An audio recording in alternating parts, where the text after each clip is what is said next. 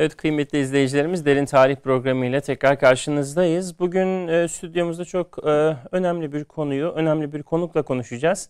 E, Doktor, araştırmacı, arşivci, yazar Ahmet Uçar e, hocamız bugün bizimle birlikte. Hocam hoş geldiniz. Teşekkür ederim, sağ olasın. E, kıymetli izleyicilerimize iz, e, de duyurduğumuz gibi bugün e, Sultan II. Abdülhamit düşmanlığının batıdaki kaynaklarını hocam sizinle konuşacağız. Çünkü e, bu konu sizin özellikle çalışma alanlarınızdan bir tanesi. E, derin tarihte de konuyla ilgili e, izleyicilerimizden de takip edenler mutlaka olmuştur. E, çok güzel yazılar yayınladık. Yani sizin şimdi ben o yazılardan da örnekler de getirdim. E, programdan önce de konuşurken sizinle sizin tarihçilik anlayışınızda e, kaynaklara inerek hani kim ne söylemiş, nerede söylemiş, hangi bağlamda söylemiş e, onu hakikaten delillendirmeniz çok hoş. Bu zaten yazılarda da Hani böyle kuru bir slogandan çok hani Batı düşman da Abdülhamit'e işte sevmiyorlar. Dıdan da fazlası daha ötesi var. Şimdi e, tabii e, Sultan Abdülhamit ile ilgili malumunuz bir işte Kızıl Sultan figürü var. Bugün hala konuşuluyor. Hala bugün de tekrarlanan bir işte e, slogan o. Yani işte Kızıl Sultan'dı, baskıcıydı. Kendi döneminde kimseyi konuşturmazdı. İşte 33 yıl boyunca e, Yıldız Sarayı'ndan çıkmadı e, falan gibi. Şimdi ee, özellikle bu Kızıl Sultan lakabının nereden çıktığını sorarak başlamak istiyorum hocam. Yani 1894-96'da sizin burada e, atıf yaptığınız bir hadise var. Yani e, durup dururken mi başladı bu hadise? Durup dururken başlamadı belli ama Kızıl Sultan niçin bu lakap e, oldu, nereden başladı ve nasıl yaygınlaştı? Buyurun hocam söz sizde. Teşekkür ederim. Şimdi e, Sultan II. Abdülhamit e, gerçekten hem dostunun biraz oldu hem de düşmanlığın oldu bir Osmanlı sultanı. Ama e, onu müdafaa edenler de ona düşmanlık edenler de arşivi yeterince tanımıyorlar. Yani mesela onun e, müstebid olduğunu söyleyenler, sansürcü olduğunu söyleyenler e, henüz onun sansür meselesiyle ilgili arşivdeki tüm vesikaları da içine alan bir doktora tezi yapılmadığını bile maalesef bilmiyorlar. Bu Kızıl Sultan lafının kaynağı bir Fransız yazar Vandal.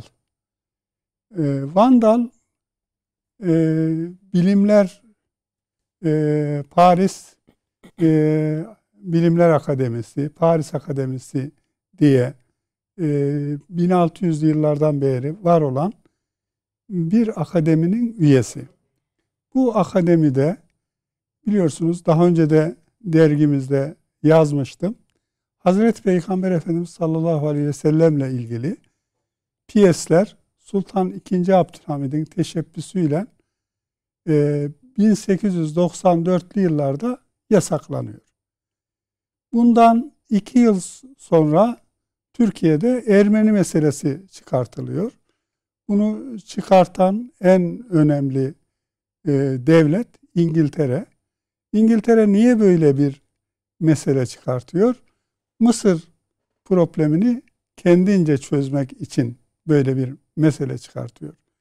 Sonra da bu meseleyi istismar eden Avrupalılar, Fransız yazar da dahil, e, efendim işte 300 bin Ermeni kesildi, şudur budur diyerek sultana Kızıl Sultan lakabını uygun görüyorlar. Ve maalesef bu lakap bizim ders kitaplarımıza giriyor. Özellikle ikinci meşrutiyetten sonra sultana küfretmenin neredeyse çok efendim yaygın olduğu ve adeta yani iki sözün biri haline geldiği bir dönemde Bizde de çok yaygın kullanılıyor ve Cumhuriyet dönemine de aksediyor. Hatta 1960 darbesini yapanlar şöyle bir şey söylüyorlar. İşte Kızıl Sultan'ı tahttan nasıl indirdiysek şimdi de aynı yolda olan askerler 60 ak darbesini yaptılar. Evet aslında diyorlar. tarihte hiçbir şey tarihte kalmıyor. Kalmıyor. Hocam bir cümleniz var. Onu ben buradan e, birebir okuyarak size bir soru soracağım. Diyorsunuz ki batılı devletler artık işlerini sadrazam ve diğer devlet adamlarıyla görüşerek çözme imkanını kaybetmeleri sebebiyle Yıldız Sarayı'na ve Sultan Abdülhamid II. Abdülhamid'e düşman olmuşlardı. Yani sultanın yönetim biçimi de aslında herhalde Avrupalıları rahatsız ediyor. Yani daha önce paşalarla, bürokratlarla, daha alt düzeydeki görevlilerle işleri rahatça götürürken sultanın ipleri bizzat eline alması herhalde bu imajı da besleyen bir süreci başlatıyor. Tabii bazı devlet adamları yabancı elçilerle yakınlık kuruyorlar. Bizim tarihimizde bir Mahmut Nedim Paşa örneği var. Mahmut Nedim Paşa Rusya'nın adamı. Evet. Nedimov olarak biliniyor. Sonra İngilizler bastırıyor, onu vazifeden aldırıyorlar. Diyor ki ya ben sizinle de çalıştırdım. Niye beni vazifeden aldırdınız? Şimdi sultan hem sarayı değiştiriyor. Yıldız Sarayı'nda yeni bir saray oluşturuyor. Ve orada artık direkt muhatap benim diyor.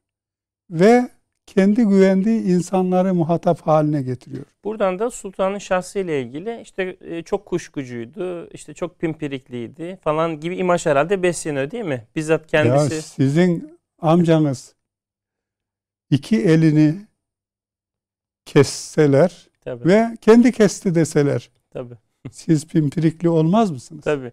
O imajlar da işte sultan hakkında herhalde böyle bir e, karalama kampanyasının böyle şeyi oluyor. Hocam bir yer var. E, özellikle burada e, ayrı bir bölüm halinde de siz ona değinmişsiniz. Bu yabancı kolejlerin e, bu sultanın imajı ile ilgili hani normalde e, eğitim vermek üzere kendilerine verilen müsaadeyi aslında açtıkları bir e, şey yaşanıyor. O, ondan da bahsetsek. Çünkü burada bir Robert Koleji örneği var. Özellikle Bulgaristan planı başlığıyla.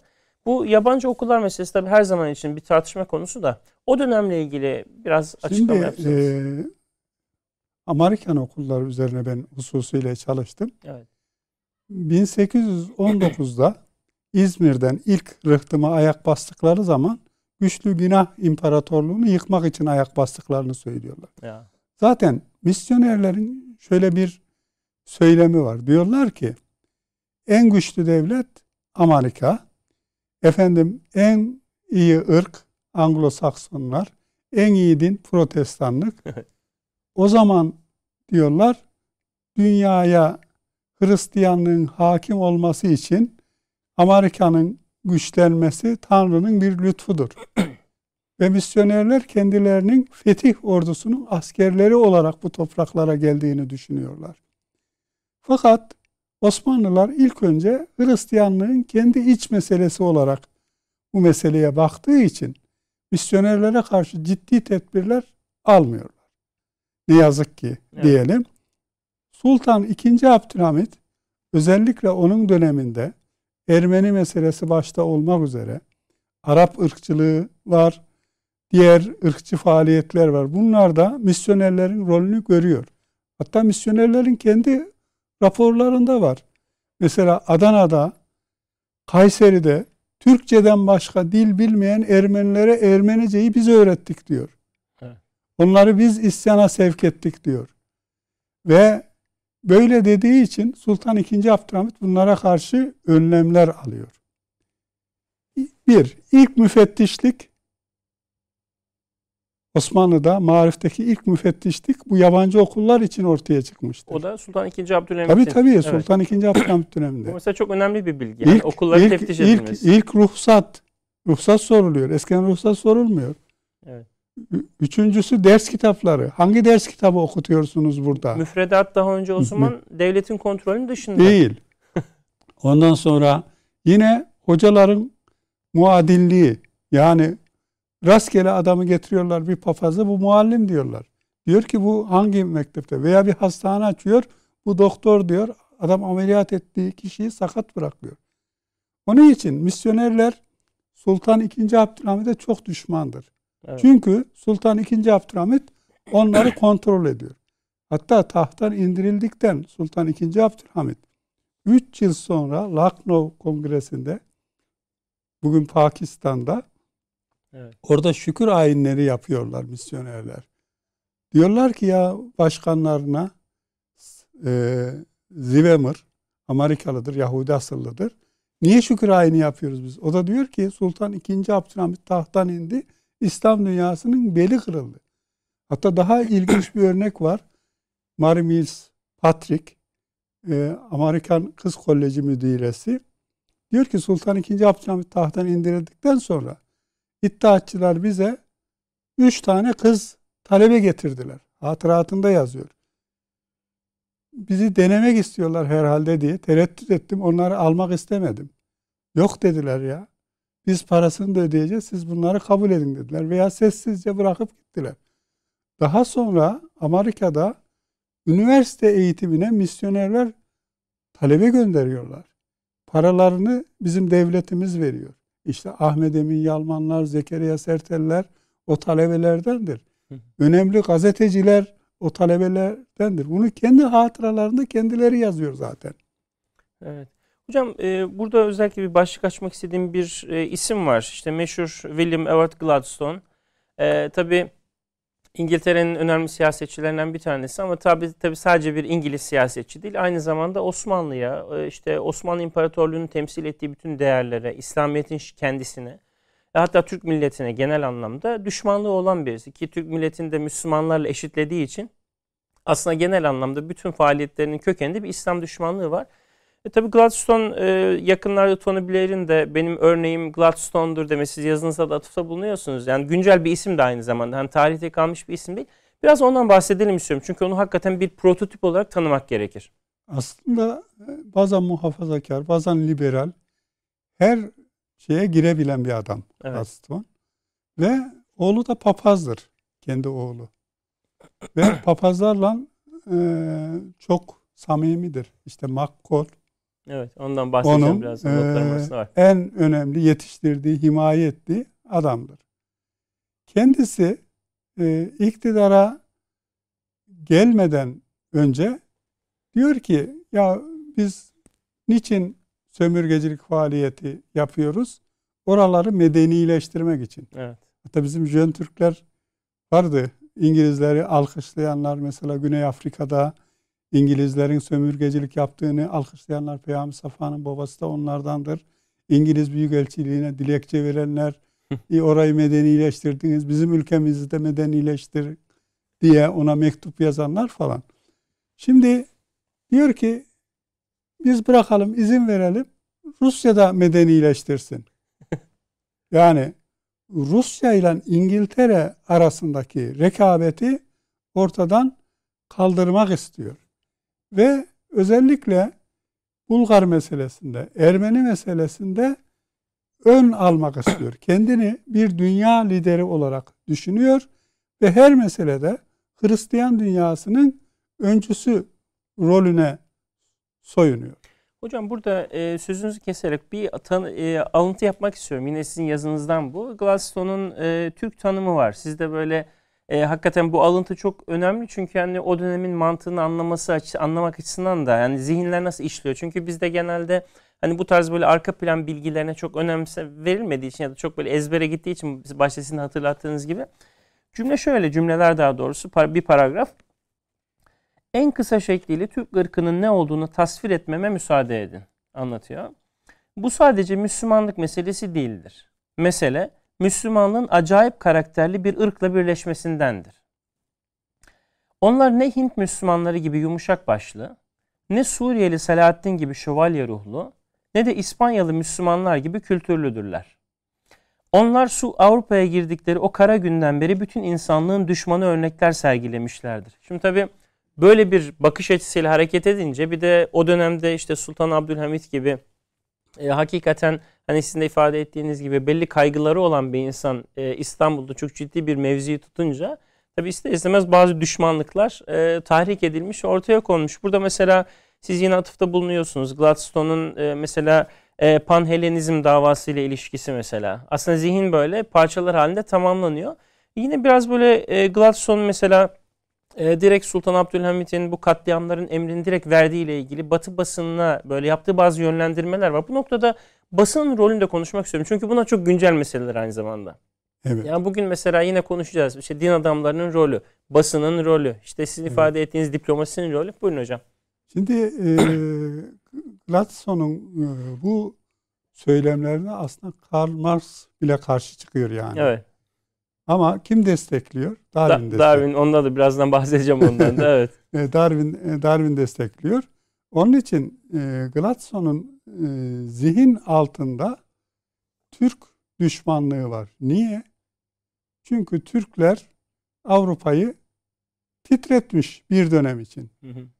E, ben e, bu ilk e, e, Kızıl Sultan lakabını kullanan Albert Vandal'la ilgili bir araştırma yaptım yakında.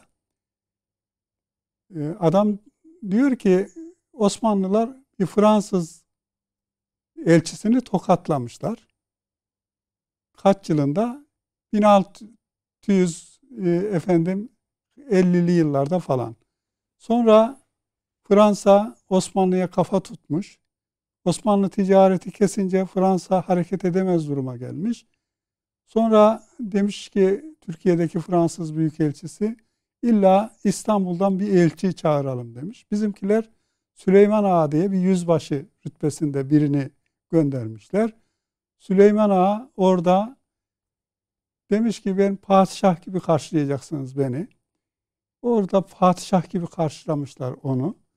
Ve sonra da öğrenmişler ki bu yüzbaşı çok bozulmuşlar.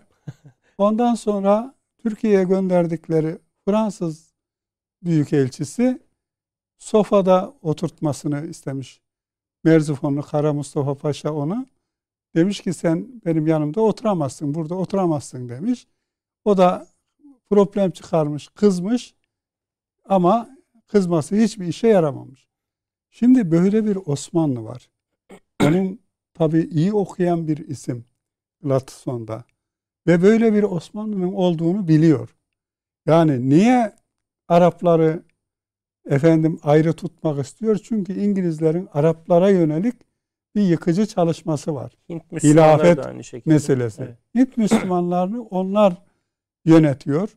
Onların içerisinde bazı casuslar kullanıyorlar falan. Onlara direkt saldırsa orada isyan çıkar. Ama Türklere saldırırsa artık son direnen güç Evet. Türkler. son direnen güç. Hatta onun cenazesine Osmanlı katılmıyor. İranlılar katılıyor. İran Büyükelçisi katılıyor. Son direnen güç. Bu da mesela ne kadar güncel bir bilgi aslında. Evet. evet. Yani onun için son direnen güç olduğu için bak burada bir Fransız tarihçinin sözlerini okuyalım. Diyor ki e, İngiltere ile Rusya birlikte Osmanlı Devleti'ne baskılar yapıp Ermenistan müstakil ve imtiyazlı bir e- eyalet haline getirilsin demektedirler. Ama diyor hiçbir dediği olmuyor diyor. Evet. Doğuda Hristiyan valiler atamak istiyorlar Berlin Antlaşması'na göre. Tayin edemiyorlar. Efendim Osmanlı Devleti'ni parçalamak istiyorlar. Parçalayamıyorlar. Devletler arası güçler yarışından Abdülhamit Han faydalanıyor. E, o ilk tahta geçtiği zamanki toprak kayıpları artık yaşanmaz oluyor. Evet. Ondan sonra mali esaret sona eriyor. Bu sefer ne oluyor? Artık Abdülhamit hedef oluyor. Yani kendi yönettikleri efendim bir takım güçler devre dışı kalıyor. Öyle değil mi? Bağlantı noktaları kopuyor aslında. Ko- kopuyor yani. İrtibat kopuyor. Çünkü e, halk belki çok meselenin şuurunda değil ama bazı devlet adamları da artık bazı şeyleri yavaş yavaş anlamaya başlıyorlar. Bak, bakın şimdi bir düşünün. Osmanlı'nın o dönemki İngiltere Büyükelçisi kim? Rüstem Paşa Evet. veyahut Kostaki Efendi. Bunlar nedir? Gayrimüslimdir. Washington'daki Büyükelçisi kim? Mavroyani Efendi. Ve Osmanlı, Abdülhamit bunlarla Hazreti Peygamber aleyhindeki piyesi yasaklatıyor. Bunlarla Ermeni meselesi aleyhindeki piyesi yasaklatıyor. Yani gayrimüslim elçiler eliyle. Evet. Evet. Bunlar vasıtasıyla bunları kullanarak Don Juan diye Osmanlı ya da İslam hanedanlarını rencide edecek piyesleri yasaklanıyor. E, adam görüyor bunları. Ve ilk defa İngiltere'de, Fransa'da piyesleri yasaklatacak bir güç var karşısında. Bunları yasaklatıyor. Diyor efendim Hindistan'da tepkiler gelir diyor. Fransa'ya diyor Cezayir'de, Tunus'ta tepkiler gelir diyor. Yani Gladstone ikinci Abdülhamid'in karşısında artık şey diyor Araplara çok iyi gibi diyor ama şeye de gidiyor avam kamerasına da Kur'an-ı Kerim'i eline alıyor. Ne diyor? Evet. Bu kitap yeryüzünde veya buna inananlar olduğu sürece diyor ne yapmaz diyor. Efendim Avrupa efendim bunların düşmanlığından kurtulamaz diyor. Bunları yok etmemiz lazım diyor. Bakın bir ayrı şey daha var. Arapların Hristiyan bir bölümü var. evet. Ama Türklerin Hristiyan bir bölümü olsa bile Türklüklerini de kaybetmiş belli bir dönem bölümü var. Daha çok umumiyetli. Çok azdır yani. Bir Gagavuzlar filan belki ama o zaman onların da çok çok yani mühim bir unsur olmadığı gözüküyor. Evet. Öyle olunca Türkler hedefte. Evet. Burada hocam bir de şey var. Özellikle Gladstone'un bu Ermenilerle özel bir ilişkisi var. Mesela e, hani direkt böyle söylediği kan dökün. Böylece diyor bize diyor müdahale için bir fırsat çıksın. Hani Osmanlı'nın iç işlerine. Bu noktada mesela özellikle e, Sultan II. Abdülhamit döneminde işte sonradan çok konuşulan sürekli olarak böyle şu bugün de karşımıza çıkartılan bu Ermeni hadiselerinde e, İngiltere'nin rolü genelde böyle bizde e, hani şeydir böyle emperyalizm falan dendiği zaman da böyle İngilizler böyle biraz sanki kenarda unutulur gibi.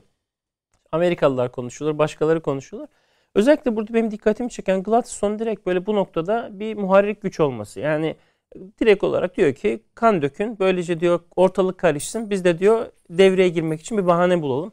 Bu noktayı da biraz vurgulamanızı istiyorum doğrusu. Şimdi ikinci Abdülhamit tahta geçmeden önce henüz Batak isyanı çıktı biliyorsunuz. Evet. 1872'de ya- yanlış hatırlamıyorsam. Ve bu isyan ile Bulgarlar isyan ettirildi.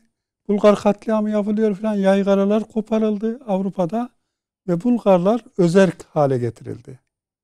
Ve ondan sonra Fransa'da ve İngiltere'de Hınçak ve Taşnak başta olmak üzere Ermeni komitaları ve onlara ait gazeteler kuruldu. Sayıları çok olmasa bile tüm Avrupa gazeteleri de basını da onların arkasında ve bunlar Ermenileri isyana kışkırttılar.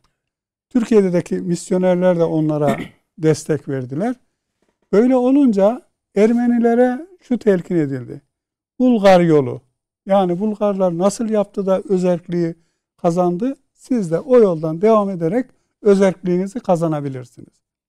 Bunun üzerine e, Ermeniler talimat aldılar onlardan. Ne yapabiliriz? E, git mesela diyor Osmanlı Bankası'nı bas. 17 kişi Osmanlı Bankası'nı bastı 1896'da. Osmanlı Bankası'nın müdürü ve Rus elçiliğinin bir görevlisi geldi saraya dedi ki biz bu baskını önleyebiliriz. Nasıl önleyebilirsiniz? Siz bunlara serbestçe yurt dışına çıkış izni verin. Bir Fransız gemisiyle yurt dışına çıktılar. Fransa bunları göstermelik 3-5 gün tutukladı. Ondan sonra efendim bunlar yurt dışına Amerika'ya gönderilmiştir diye gazetelerde boy boy resimleri çıktı. Bizim istihbaratımız anladı ki bunlar onlar değil. Onlar normal göçmenler. Hı hı. Göçmenler. Ve ondan sonra o ekip aynı zamanda Avrupa'daki komitacılar olarak faaliyetlerini sürdürdüler. Bunlara destek verdiler. Hatta bu komitacıları Anadolu'ya daha yakın getirmek için yıllar önce ben yazmıştım. Atina'ya merkezlerini taşıttılar belli bir dönem.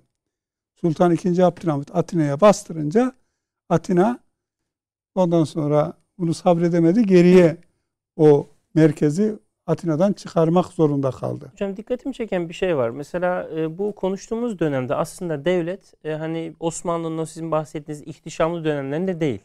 Değil. Yani kritik birçok yerde kayıplar yaşanmış. İşte bir kere zaten 93 Harbi başlı başına sizin de ifade ettiğiniz gibi yani sultanın iktidarının başlangıcında çok ciddi bir yani sarsmış devleti her yönden. Şimdi demin de ifade ettiğiniz bu gayrimüslim elçiler eliyle mesela e, Hristiyanların İslam'la ilgili saldırılarını engelleyecek bir diplomatik bir deha da var. Hı hı. Şimdi bugünden bakınca siz mesela bu e, hani yöntemleri nasıl kullandığını düşünüyorsunuz? Şimdi Yıldız'da oturan bir padişah bu kadar şeyi yakından nasıl takip ediyor? Bu siyaseti nasıl geliştiriyor, nasıl uyguluyor? Bu çok çarpıcı geliyor bana. Ya şimdi e, Sultan II. Abdülhamit yani bugün bazı insanların sandığı gibi fanatik bir insan değil. Evet. Çok makul, akıllı, sakin, iyi düşünen e, yahut projesini iyi yapan bir insan. Evet. Onun tek bir önemli gayesi, bir numaralı gayesi Osmanlı'yı ayakta tutabilmek. Evet. Onun için de İttihat-ı İslam siyaseti benimsiyor. Ama bu siyaseti benimserken gayrimüslimlere yönelik, onları yok etmeye yönelik bir politikası yok. Osmanlılık şuuru içinde onları da kapsayan bir politika yürütüyor. Hatta onlara Osmanlı mekteplerini açıyor. Evet. Bir de eğitimde modernleşme çalışmaları yapıyor. Ve bunları bir düşman olarak görmüyor. Bakın mesela Sabateistler var Osmanlı ülkesinde. Gizli Hristiyanlar, Stavriler, Kurumliler var. Efendim bir yığın farklı inançta insanlar var. Ama Osmanlı bunlarla ilgili yıkıcı bir rapor hazırlamıyor. Tespit ediyor, bunların varlığını biliyor ama bunlara müdahale etmiyor. Hatta bunların iç çatışmaları olursa da önlemeye çalışıyor. Evet. Yani onun için Yahudi hahamı, Ermeni patriği, Rum patriği, Rumlar biraz bazı zaman farklı olmuş ama sultanla yakın duruyorlar. Hatta ikinci meşrutiyeti ilan edildiğinde ilk vazifeden alınan birisi Yahudilerin haham başı olmuştur. Hı hı. Abdülhamid'e yakın diye. ha, yakın olduğu için. Yakın diye düşünülmüş. Evet. Hatta daha sonra onun damadı başa geçirilmiş Hayim Nahum. Yani onun için onlarla iyi bir diyalog kurmasını biliyor. Bir de Sultan II. Abdülhamit bazı şeylerin kıymetini biliyor. Neyin kıymetini biliyor? Yani yurt dışında belli mahfillerde insanları efendim kazanmanın yollarını biliyor. Evet. Mesela Ermeni meselesinde bizim lehimize çok fazla kitap yazıldı Abdülhamit döneminde. Yurt dışında mı? Tabii yurt Aha. dışında mesela Amerika millet senatörler bir baktılar masaların üzerinde Ermeni meselesiyle ilgili Sultan II. Abdülhamit tarafından hem de Amerikan gazetelerinde çıkmış. Bunun kaynağının misyonerler ve batılı tahrikçiler olduğuna dair bu meselenin kaynağının kitapları buldular. Veyahut bir amirale kitaplar yazdırdı İngiltere'de. Bir yazara, milletvekiline kitaplar yazdırdı İngiltere'de.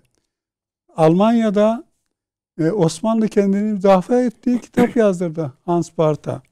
Yani bu mesela Türk kendini savun diye tercüme edildi falan. Kitapları da yabancılara yazdırıyor. Tabii tabii yabancılara Evet. yazdırıyor. Mesela İspanya'da kitap yazdırdı.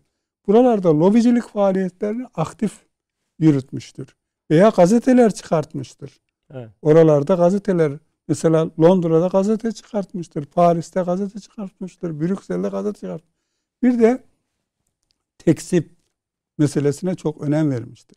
Aleyhte çıkan her haberi tekzip etmiştir. Ha, onu da takip ediyor. Tabii. Evet. Yani o kadar çok gazetelere abone ki saray takip ediyor, ekip var. Ve bazen bu konuda dil meselesinde sıkıntı yaşadıkları olmuştur. Ama yani aslında sa- sadece tekstipler üzerine bir doktora çalışması yapsa Sultan II. Abdülhamit döneminde 33 senedir az değil yani yapılabilir. Yani şimdi bunlar basit gibi gözüküyor. Bizimkiler sadece Sultan II. Abdülhamit tahttan indirdikten sonra listelerde şu kelimeler yasaklanmış falan filan. Pişmekan. Yıllar önce işte Mizanül Hak yasaklandı diye bir şey yazmıştı biri. Sonra Ali Birinci Hoca e, onu e, vesikasını da buldu. Sonra ben de o vesikayı bir farklı vesikasını gördüm. Mizanül Hak Katip Çelebi'nin kitabı değil yasaklanan. Kimin kitabı? İşte Hindistan'da Hollandalı bir misyonerin yazdığı bir kitap. Sen onu yasaklanmış diyorsun ki Katip Çelebi yasakladı. Gerçekten bizim aydınımız, bizim tarihçimiz Sultan II. Abdülhamid'in iyi tanımalı. Elbette her insanın hataları olabilir, yanlışları olabilir, aldatılmışlıkları olabilir. Ama Sultan II. Abdülhamid'in asla ihaneti olmamıştır. Değil mi? Evet. Peki onu hürriyet adına tahttan indirenler ne yaptı? Ne yaptı? İkinci meşrutiyet ilan edilir edilmez daha sultan tahtayken İngiliz Büyükelçisi Karaköy'de geldiği zaman onu almak için şu andaki e, İngiliz Başkonsolosluğuna götürmek için gelen arabanın atlarını söktüler. Kendileri at olup onu Büyükelçiliğe taşıdılar. Ahmet İhsan Bey'in hatıralarında bu açık açık yazıyor. Taşıyanlardan birisi de kendisidir. yani onun için yani sultan bu işleri gerçekten iyi biliyor. Dostunu, düşmanını iyi biliyor. Ama bir şey var bazen de tavrını iyi koyuyor. Sultan tahttan indirildiği zaman Selanik'e Alaaddin Köşkü'ne sürgün edildi biliyorsun Evet. belli bir intikam için. Evet. Orada diyorlar ki onu muhafız olarak tayin edenler Sultanım seni çok mühim bir isimle efendim tanıştıracağız. 31 Mart'ta İstanbul'a gelmiş bir adam Balkanlardan. En büyük o dönemin teröristi. Evet. O adam diyor ki niye böyle bir adamla beni tanıştıracaksınız diyor. Yana Santanski diyorlar ki efendim bu artık hürriyete inandı, bizim saflara katıldı falan diyorlar. Sultan diyor hayır böyle bir hain adamla ben tanışamam. Bu benim milletime ihanet olur. Onun için evimiz kurşunlandı diyor Ayşe Sultan hatıratında anlatıyor. Yani sultan hassastır bazı şeylerde. Evet. Çehreleri iyi tanımaktadır. Bir Fransız tarihçisinin dediği gibi unutmuyor yani. Gördüğü bir sima hiç unutmadığı söyleniyor değil mi? Evet, Evet. O da hakikaten Evet. çok çarpıcı bir özellik. evet. Ee, hocam şeyden bahsedeceğim. Şimdi süremiz de gittikçe azalıyor. Bu e, din adamlarının da bir rolü var. Yani Sultan Abdülhamit'in hı. o e, işte çehresinin kötü bir şekilde çizilmesinde. Sizin mesela zikrettiğiniz bir isim var. Malcolm McCall diye. Özellikle onun e, hem e, işte Osmanlı'ya hem İslam tarihine Müslümanlara e, o dönemdeki hani İslam temsil eden her şey aslında attığı bir takım iftiralar var. Hem bir prototip olarak hem bu konudan bahseder misiniz? O önemli bir konu çünkü. Vallahi e, sıradan bir papazgen şeyin himayesine girince hı. bir anda Fanatik bir. yükselmiş. Evet. Ve bu Bulgar isyanı sırasında oraya gidiyor. Orada ileriye de gidemiyor. Korkak bir adamdır. Denizin şeyi, nehrin e, üzerinde, Tuna Nehri'nin üzerinde bir torba görüyor. İngiliz Büyükelçisi diyor ki saman torbası diyor. O da diyor işte efendim şehit edilmiş bizim Hristiyan kardeşlerimizin cesedini gördük diyerek gazetelerde manşetten şey atıyor, yazılar atıyor falan. Aslında bu adamın en büyük melaneti Abdülhamit düşmanlığını yayınladığı kitapla Avrupa'nın tamamında yaymak üzere aktif bir çalışma yürütüyor. Bir, iki, hilafet meselesine burnunu sokuyor ve Osmanlı hilafetini yıkmak için Arap hilafeti uydurması yapıyor. Arap hilafeti uydurmasını yapınca ki Blunt diye bir adam da e, ona destek oluyor. Ondan sonra yavaş yavaş yavaş yavaş işte daha sonra 1916'lardaki çıkan isyanların temeli orada atılmış oluyor. Ermeni meselesini sürekli gündemde tutarak, Türk düşmanlığını sürekli gündemde tutarak, İslam düşmanlığını sürekli gündemde tutarak aslında Hint Müslümanları ona cevap veriyor. İngiliz parlamenterler ona cevap veriyor. Ve bu meseleleri gündemde tutarak Osmanlı'yı efendim Avrupalı insanların zihninde iki konuda şey diyor. Diyor ki Osmanlı Müslümandır. Müslümanın temel dini kitabı Kur'an-ı Kerim'dir. Kur'an-ı Kerim demokrasiye izin vermez. Demokrasiye izin vermediği için bir Müslüman Hristiyanın da bulunduğu bir ülkede yönetici Olmamalı. olamaz. Evet. Onun için biz Osmanlı ülkesinde Hristiyan yöneticiler efendim yerleştirmez. Hatta biz Mısır'ı terk edebiliriz diyor. Bir Hristiyanı başlarına koysunlar. Biz Mısır'ı terk edebiliriz. O kadar önemsiyorlar. Yani biz Hindistan'ı terk edebiliriz. Başlarına bir Hristiyanı yönetici koysunlar diyor. Yani fanatik hatta onun karikatürlerini çizdiler. Herhalde Salt'tı Amerikalı araştırmacı. o yazmış. Yeni çağın Haçlı efendim çağrıcıları Haçlı propagandistleri Tabii, diye. Pa- Papa Urban gibi yani o hani evet, karşı evet. seferinin böyle ateşleyicisi o fanatik romanın şeyli sözcüleri evet. gibi. Hocam şimdi sohbetimizin başından beri böyle hani o dönemi konuşurken böyle çok dikkatimi çekiyor. Şimdi mesela o dönemin batılı muhayyilesinde sultan aslında e, işte İslam'ın temsilcisi olarak ve Müslümanları bir arada tutan tabiri caizse bir tesbihin imamesi olarak görüldüğü için aslında sultanın üzerinden İslam'ın kendisi hedef seçiliyor. Öbür taraftan bu işin işte konuştuğumuz gibi din adamları ayağı var. Medya ayağı var. Ondan sonra işte siyasi ayağı var, diplomasi ayağı var. Şimdi bugünü düşününce hakikaten tarih yani bugüne de böyle çok net mesajlar veriyor. Yani bugün bakıldığı zaman hakikaten işte ne kadar demokrasi söylemleri olursa olsun, birlikte yaşama, beraberlik vesaire aslında o e, programın başından beri konuştuğumuz zihniyet hala yaşıyor. Yani bugün baktığınızda işte Kur'an-ı Kerim'le ilgili bahsettiğiniz o eleştiriler, işte Müslümanların bir arada yaşama kültürü yoktur diyor mesela. Hani 100 sene önce de aynı söylem, 300 sene önce de aynı söylem, 500 sene de aynı söylem. Buradan bakınca mesela özellikle Sultan II. Abdülhamit'in yaşadığı, karşılaştığı bütün bu işte badireler, engeller, sıkıntılar o dönemle ilgili bugünden hangi dersler çıkar? Ne dersiniz bu konuda? Valla şimdi şöyle biz ne zaman ki kendi milli benliğimize, manevi değerlerimize dönersek düşmanlığın dozu artar. Artacaktır yani. Ama ne zaman onlardan taviz verirsek daha fazla taviz isteyecekler, yetinmeyecekler yani. Ve bizi sevmeyecekler yani, aslında. Mesela işte diyor ki e, Vandal Tanzimat fermanı oldu diyor. E, belli bir aşama. Efendim ıslahat fermanı oldu. Daha ileri bir aşama. Ama diyor bunlar yetmez diyor. Evet. Yetmez. Hani e, daha fazlası, daha fazlası, daha fazlası. Hatta mesela Türkleri sadece Avrupa'dan atmak olarak şark politikası şey diyor ama Türkleri tamamen yeryüzünden silmek bu politikanın temelleri. Hatta daha ilginç bir şey söylemek gerekiyor burada. Diyor ki biz diyor bir İngiliz gittiğim zaman Afganistan'ı da çalışıyorum son zamanlarda.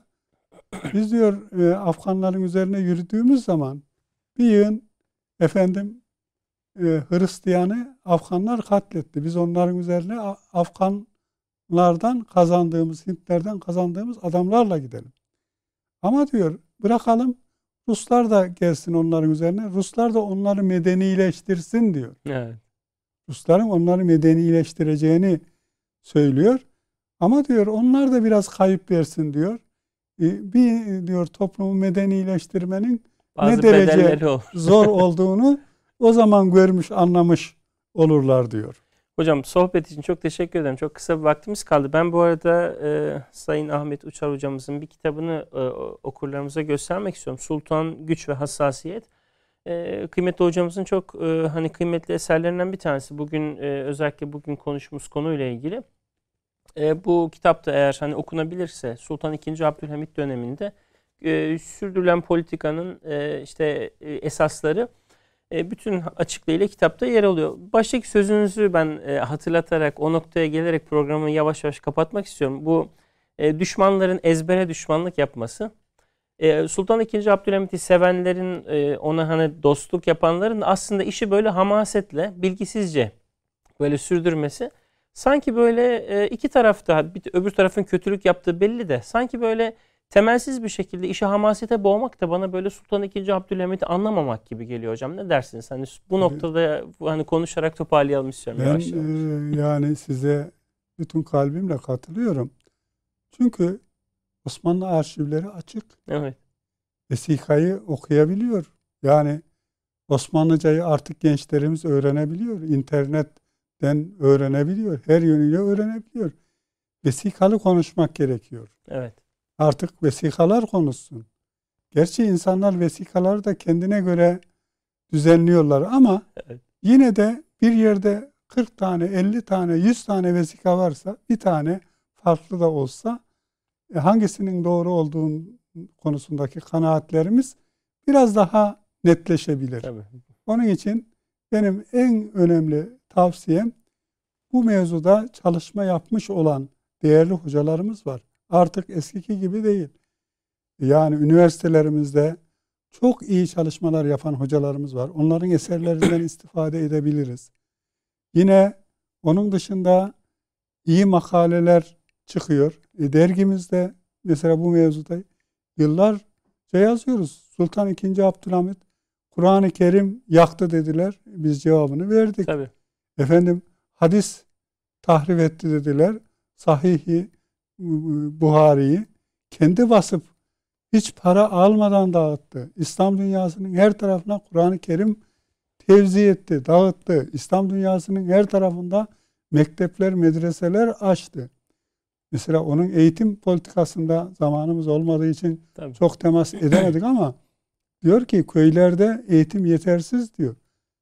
Yani e, bir tarih kurumunun yıllar önce bastığı bir kitap var Bernard, Bernard Lewis'in Modern Türkiye'nin doğuşu. Orada bile söylüyor. Diyor ki 2. Abdülhamit döneminde kendisini devirenleri Sultan II. Abdülhamit Osmanlı mekteplerinde modern eğitimle yetiştirdi diyor. Yani modern eğitimin kurucusu Sultan II. Abdülhamit. Bunu kimse inkar etmiyor artık. Altı okuldan 10 bin tane Sıbyan Mektebi'ne çıkmış.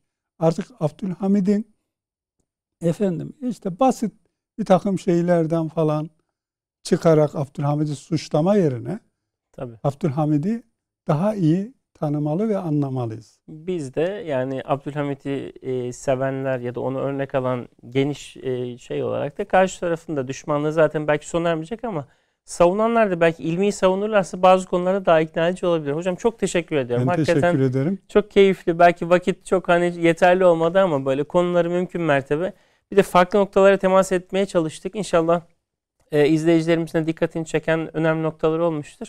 Evet kıymetli izleyicilerimiz çok teşekkür ediyorum. Doktor Ahmet Uçar hocamızla sohbetimizin sonuna geldik. Kısa bir aradan sonra ikinci bölümde tarihte bu hafta ve tavsiye kitaplarımızla birlikte olacağız. Bizden ayrılmayın. Hafta olan olaylardan 5 tanesini seçip sizlere sunuyoruz malum. Ee, birinci gündemimiz 8 Kasım 1943'te Lübnan'ın artık e, bağımsız bir devlet olarak sahneye çıkmaya başlaması, bununla ilgili ilk kararın alınması. 1920'de Fransa e, bugünkü Lübnan e, ve Suriye topraklarını manda yönetimi altına aldıktan sonra e, tabi Büyük Suriye isimli bir coğrafyaydı orası eskiden ve Suriyeli Arap milliyetçileri Lübnan'ı da kendi ülkelerinin parçası olarak görüyorlardı. Fakat Lübnanlı Arap milliyetçileri 1943'te bağımsızlıklarını elde ettikten sonra tabi Suriyeli Arap milliyetçilerine bir darbe vurmuş oldular. 1943'te Lübnan bağımsızlığına, kavuşunca e, ülkede bir e, sistem oluşturuldu. Buna göre e, devlet başkanı Hristiyan, Katolik, başbakan e, Sünni Müslüman ve meclis başkanı da Şii Müslüman olacaktı. Bu e, Fransızların 1932'de yapmış oldukları nüfus sayımından kaynaklanan bir bölünmeydi. Ve çok ilginçtir. Bugün Lübnan'da hala nüfus sayımı yapılamıyor.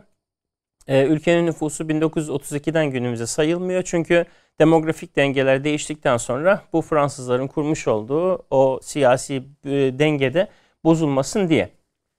E, ikinci başlığımız bu hafta yine 9 Kasım 1993 bu defa yakın bir tarih. E, 1993'ün 9 Kasım günü Osmanlı'nın e, Balkanlardaki incisi, incilerinden bir tanesi Mostar Köprüsü e, Hırvatların barbar bir şekilde bir saldırısına maruz kalarak yıkıldı. Önce 8 Kasım'da bombardımana başladılar. Hırvat topçusu karşı tepelerden Mostar'ı vurmaya başladı. E, ve 9 Kasım gününde köprü sürekli bombalara dayanamayarak maalesef e, Neretva Nehri'nin sularına gömüldü.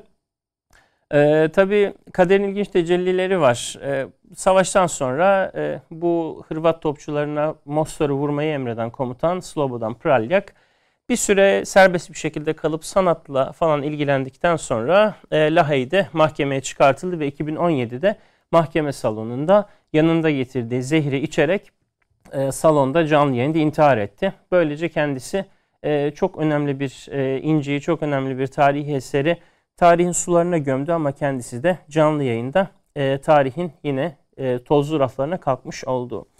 Üçüncü başlığımız 11 Kasım 2005'ten bu defa e, yakın tarihin en önemli isimlerinden sinema dünyasının İslam dünyasının sinemaya e, hediye etmiş olduğu belki de en önemli isim yakın dönemde Mustafa Akkad.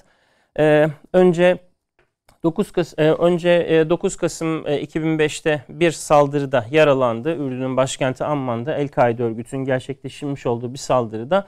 Daha sonra da 11 Kasım'da iki gün sonra hastanede hayatını kaybetti.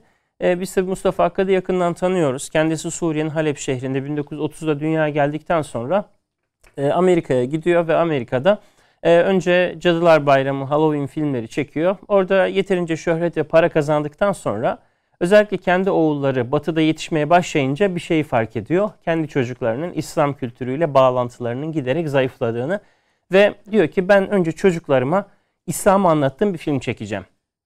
Ve derken Arapça ismiyle Er Risale, Batı'daki ismiyle The Message ve bizim bildiğimiz adıyla e, Çağrı filmi böylece doğuyor. Ve Çağrı filmi çok enteresandır. Mustafa Hakkad Çağrı'yı ilk çektiği zaman İslam dünyasının 1977 malum filmin tarihi o döneminde gösterecek ülke ve gösterecek salon bulamıyor.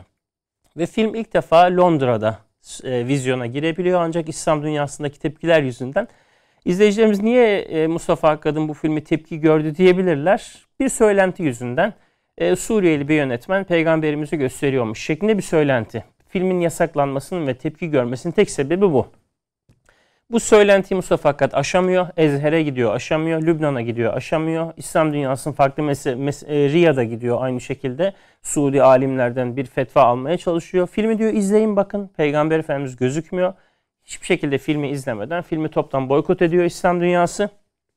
Ve derken Londra'da filmin ilk gösteriminden sonra salondan çıkan insanlar hıçkıra hıçkıra ağlayarak çıkınca çağrı hızlı bir şekilde İslam dünyasının her tarafında e, meşhur bir film oluyor. Ve ikinci filmi e, birçok filminin yanında tabi e, Ömer Muhtar'ın e, İtalyanlara karşı o efsanevi mücadelesini anlattığı meşhur Çöl Aslanı filmi.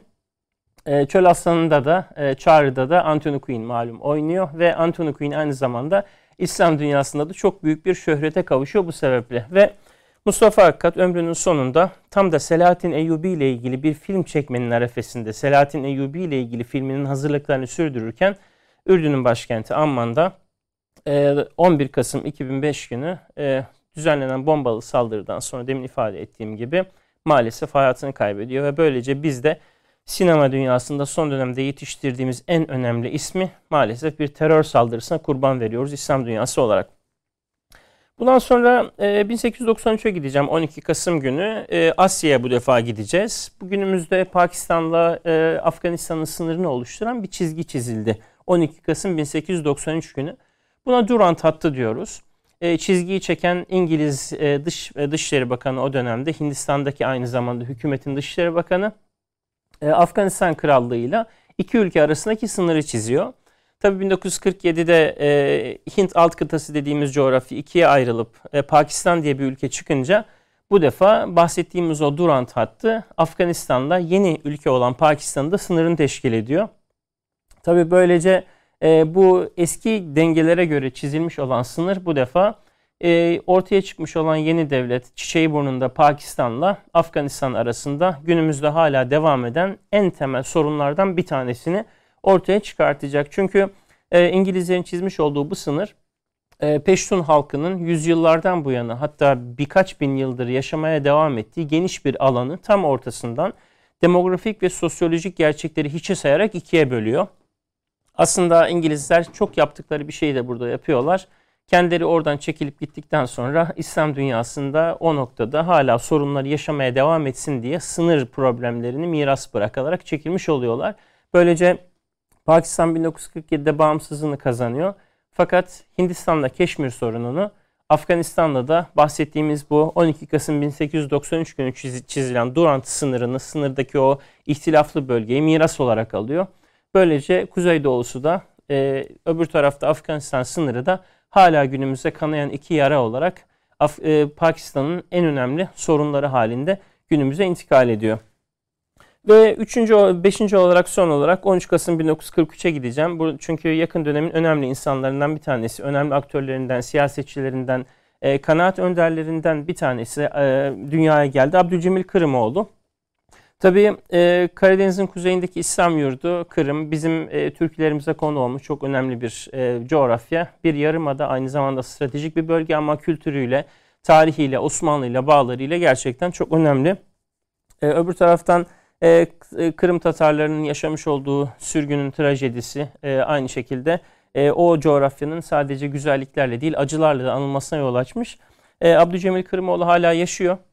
E, kendisi hem Türkiye ile ilişkilerini sürdürerek destek bulmaya çalışıyor biliyorsunuz. Türkiye'de Kırım'ın e, Rusya tarafından ilhakını kabul etmiş değil. Bu anlamda Kırım'a da desteklerini sürdürüyor. E, Abdülcemil Kırımoğlu'na da burada e, doğum haftasında doğum yıl dönümü vesilesiyle hayırlı bir ömür diliyoruz. Mücadelesine başarılar diliyoruz. Şimdi son olarak birkaç kitap yine e, her hafta yaptığımız gibi tanıtmak istiyorum. E, çünkü e, özellikle kitapların e, takibi noktasında bizden çok fazla e, okurlarımız, izleyicilerimiz e, talepte ve tavsiye isteğinde bulunuyorlar. E, biz de böyle mümkün mertebe önemli bulduğumuz kitapları seçiyoruz. Birinci kitabımız e, Michael Provence imzalı yeni yapılmış bir çeviriyle Son Osmanlı Kuşağı ismini e, al, almış, alan bir kitap.